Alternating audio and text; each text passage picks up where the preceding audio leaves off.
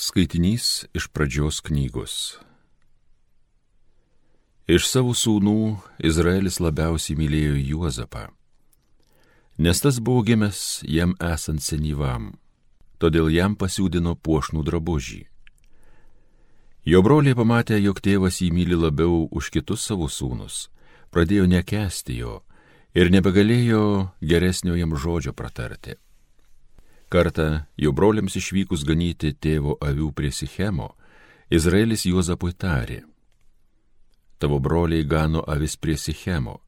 Eik šiandien, aš ketinu tave siūsti pas juos. Tasai atsakė, aš pasirengęs. Išėjęs paskui brolius, Juozapas rado juos Dotane. Tie jį pamatė iš tolo. Bet kol šis prie jų dar nebuvo prieėjęs, jie svarstė pasiūlymą jį nužudyti. Jie taip tarp savęs kalbėjo. Antai ir sapnuotojas ateina. Tad imkime, užmuškime jį ir įmeskime kur nors į šulinį. Paskui pasakysime, kad jį laukinis žvėris sudraskė. Tada pamatysime, kas iš jo sapnų išeis. Tada išgirdęs Rubenas panoro išgelbėti Juozapą iš brolių rankų. Jis tarė, Nereikia mums žmogžudystės.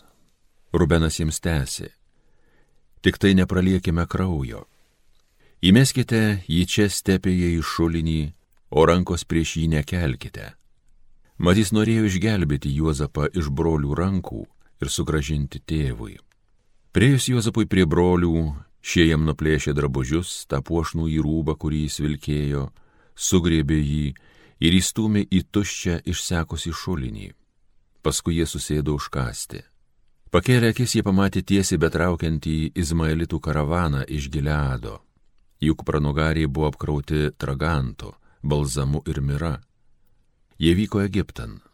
Judas broliams pasiūlė, kokia mums bus nauda iš to, jei mes savo brolį užmuštume ir jo kraują nuslėptume. Verčiau jį parduokime Izmaelitams, o rankos prieš jį nepakelkime Vis dėlto jis mūsų brolis, mesgi visi vieno kraujo. Jo broliai sutiko. Medienitų pirkliams pražygiuojant, jie ištraukė Juozapą iš šulinio ir pardavė izraelitams už 20 sidabrinių. Tie nugabeno Juozapą į Egiptą. Tai Dievo žodis.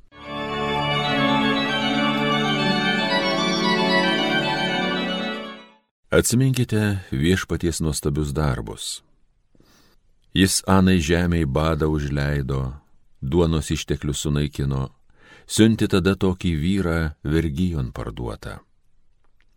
Atsiminkite viešpaties nuostabius darbus. Ir buvo jam kojos apkaltos, grandis užnerta jam ant kaklo, kol pranašystė jo pasakyta įvyko, kol išteisino jį viešpaties žodis. Atsiminkite viešpaties nuostabius darbus Liepė paleisti karalius, valdovas tautų jį liepė išlaisvint, ūkvaizdžių savo namų jį padarė, prievaizdu visų savo turtų. Atsiminkite viešpaties nuostabius darbus. Garbė ir šlovė tau viešpatie Jėzau. Dievas taip pamilo pasaulį, jog atidavė savo vienatinį sūnų. Kiekvienas, kuris tiki jį, turi amžinąjį gyvenimą garbė ir šlovė tau viešpatie Jėzau. Iš Evangelijos pagal matą. Jėzus bylojo aukštiesiams kunigams ir tautos seniūnams. Pasiklausykite kito palyginimo. Buvo šeimininkas, kuris įveisė vynogyną, aptvėrė jį, įrengė spaustuvą, pastatė bokštą ir užnuomojo vynininkams ir iškeliavo į svetimą šalį. Atėjus vaisių metų jis atsiuntė savo tarnus pas vynininkus atsimti savosios vaisių dalies. Bet vynininkai nutvėrė jo tarnus, vieną primušė, kitą nužudė, o trečią užmušė akmenimis. Jis vėl siuntė tarnų daugiau negu pirmųjų, bet vynininkai ir su šiais pasielgė kaip su anais. Galop jis išsiuntė pas juos savo sūnų, manydamas jie drobėsis mano sūnaus. Tačiau vynininkai išvykę sūnų ėmė kalbėtis. Tai įpėdinis, eime užmuškime jį ir turėsime palikimą. Nutvėrė jie išmetė jį iš vienuogino ir užmušė. Tad kągi atvykęs šeimininkas padarys su vynininkais? Jie atsakė, jis žiauriai nužudys piktadarius ir išnuomos vynogyną kitiems vynininkams, kurie atėjus metui atiduos vaisių. Tuomet Jėzus tarė, ar neskaitėte, kas parašyta raštuose? Akmuo, kurį statytojai atmetė, tapo kertiniu akmeniu. Tai viešpaties padaryta ir kelia nuostabą mūsų akise. Todėl sakau jums, Dievo karalystė bus iš jūsų atimta ir atiduota tautai, kuri duos vaisių. Išgirdę palyginimus vyresnieji kunigai ir fariziejai suprato, kad Jėzus kalba apie juos, jie stengiasi jį suimti, tačiau bijojo liaudės, nes jį laikė Jėzų pranašu.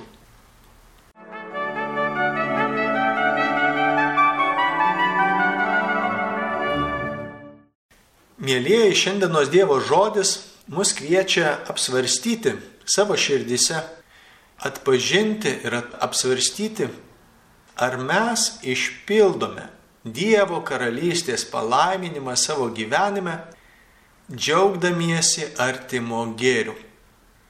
Ir ar į širdį neįsileidžiame nuodų, kurie vadinasi pavydas. Iš tiesų, sąžiningai pažvelgus į save, turbūt kiekviename žmoguje atrasime kažkuriuose gyvenimo epizoduose mus užklumpantį pavydą. Tiesiog būna priepoliai tokie. Kartais mes net nesuvokėme, nesusimastome, ne, net pažįstame. Mums atrodo, kad aš jau nieko nepavydžiu, man viskas gerai, aš pats turiu gyvenimą, už kurį Dievui dėkoju. Bet pastebėkime save, ypač tose momentuose, kada kažkam sekasi kažkur, kur aš pats norėčiau, kad man sektųsi. Arba, na, įvairūs gali būti pavydas dėl, dėl įvairiausių dalykų. Tai tiek materialinių, galbūt vyram kokią nors automobilį, kur, kuris kitas draugas turi, kokio galbūt aš norėčiau, ar aš ne visai jaučiuosi laimingas ir, ir dėkingas Dievui už tai, ką aš turiu. Galbūt kitas išvaizdos, galbūt kažkokio draugų, pažįstamų, galbūt gyvenimo kažkokio kelio pasiekimų. Įvairiausių dalykų mes galime, na, jų norime, ne, tai yra geri dalykai. Ir kai kitiems tie dalykai, kiti, tuos dalykus kiti gauna, kartais mus gali ištikti ta neganda, kad mes nesame laimingi, nes kitam sekasi, kitam gerai. ir iš tikrųjų ši nuostata, už kurią turime tikrai atsiprašyti viešpatį, dėl dviejų dalykų.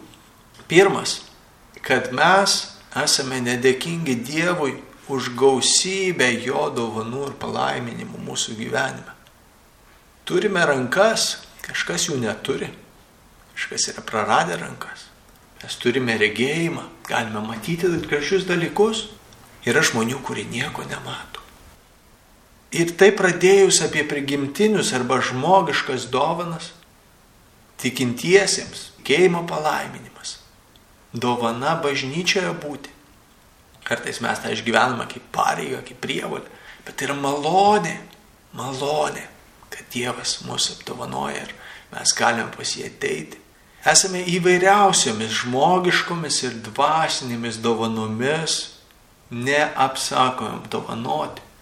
Ir mes dažnai esame nedėkingi.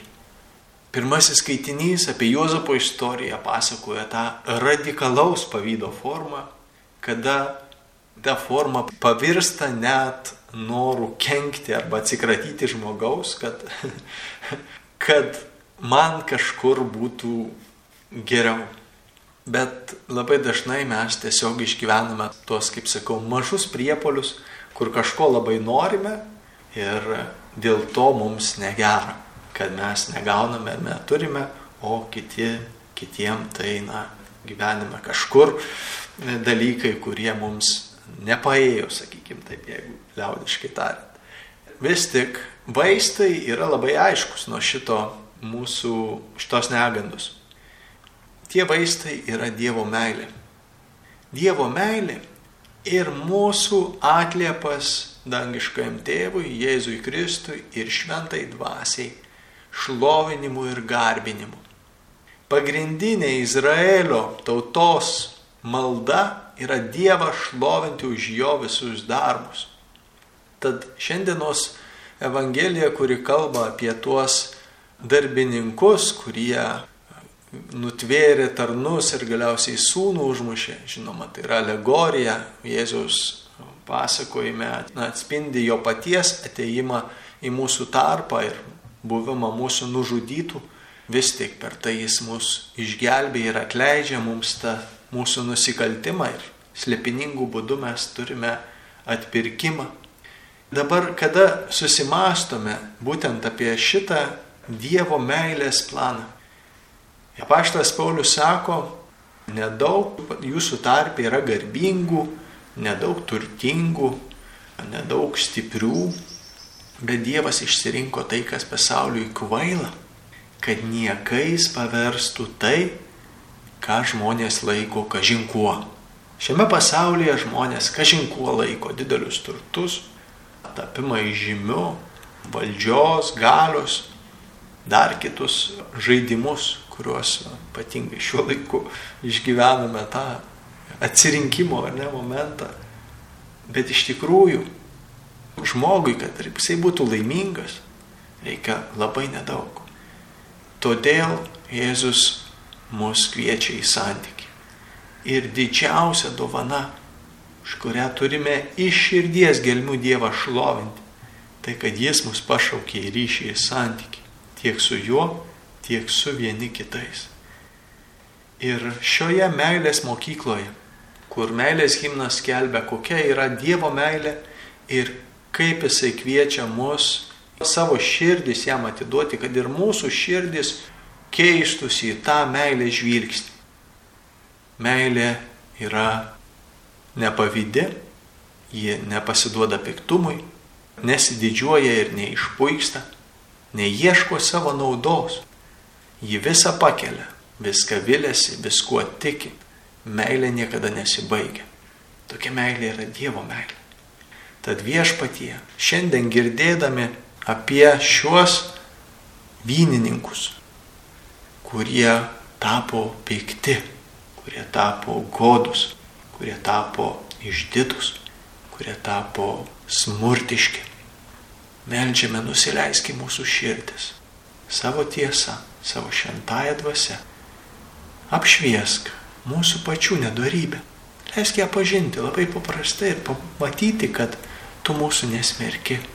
Tu atėjai gydyti mūsų širdis.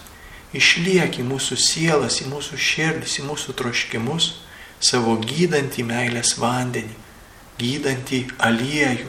Atgaivink mūsų širdis ir padaryk jas panašias Jėzau į tavo širdį. Marija, į tavo širdį, mylinčią nesąlygiškai ir besidžiaugiančią kiekvienu mumis visą, kas mumise gera. Mėlyjeji, būkime palaiminti šiame atlėpe Dievo meiliai ir artimo meiliai, kurioje šios meilės mokykloje šitoje žemėje, Dievo karalystės mokinystėje, mes ieškome, kaip išpildyti Dievo planą ir savo gyvenimą pakreipti į didesnę laimę tiek mums, tiek kitiems, besidžiaugdami kiekvienu mūsų brolio ar sesės laimėjimu, pasisekimu ir viskuo, kas mums gera gyvenime. Te būna šlovė viešpačiui Jėzui Kristui, mūsų atpirkėjui ir dangiškam tėvui ir šventai dvasiai už visas gausias malonės ir didi padėka ir garbė ir šlovė tau viešpačiui už pačią gyvenimo dovaną, už gyvybės dovaną ir už visą mūsų gyvenimą.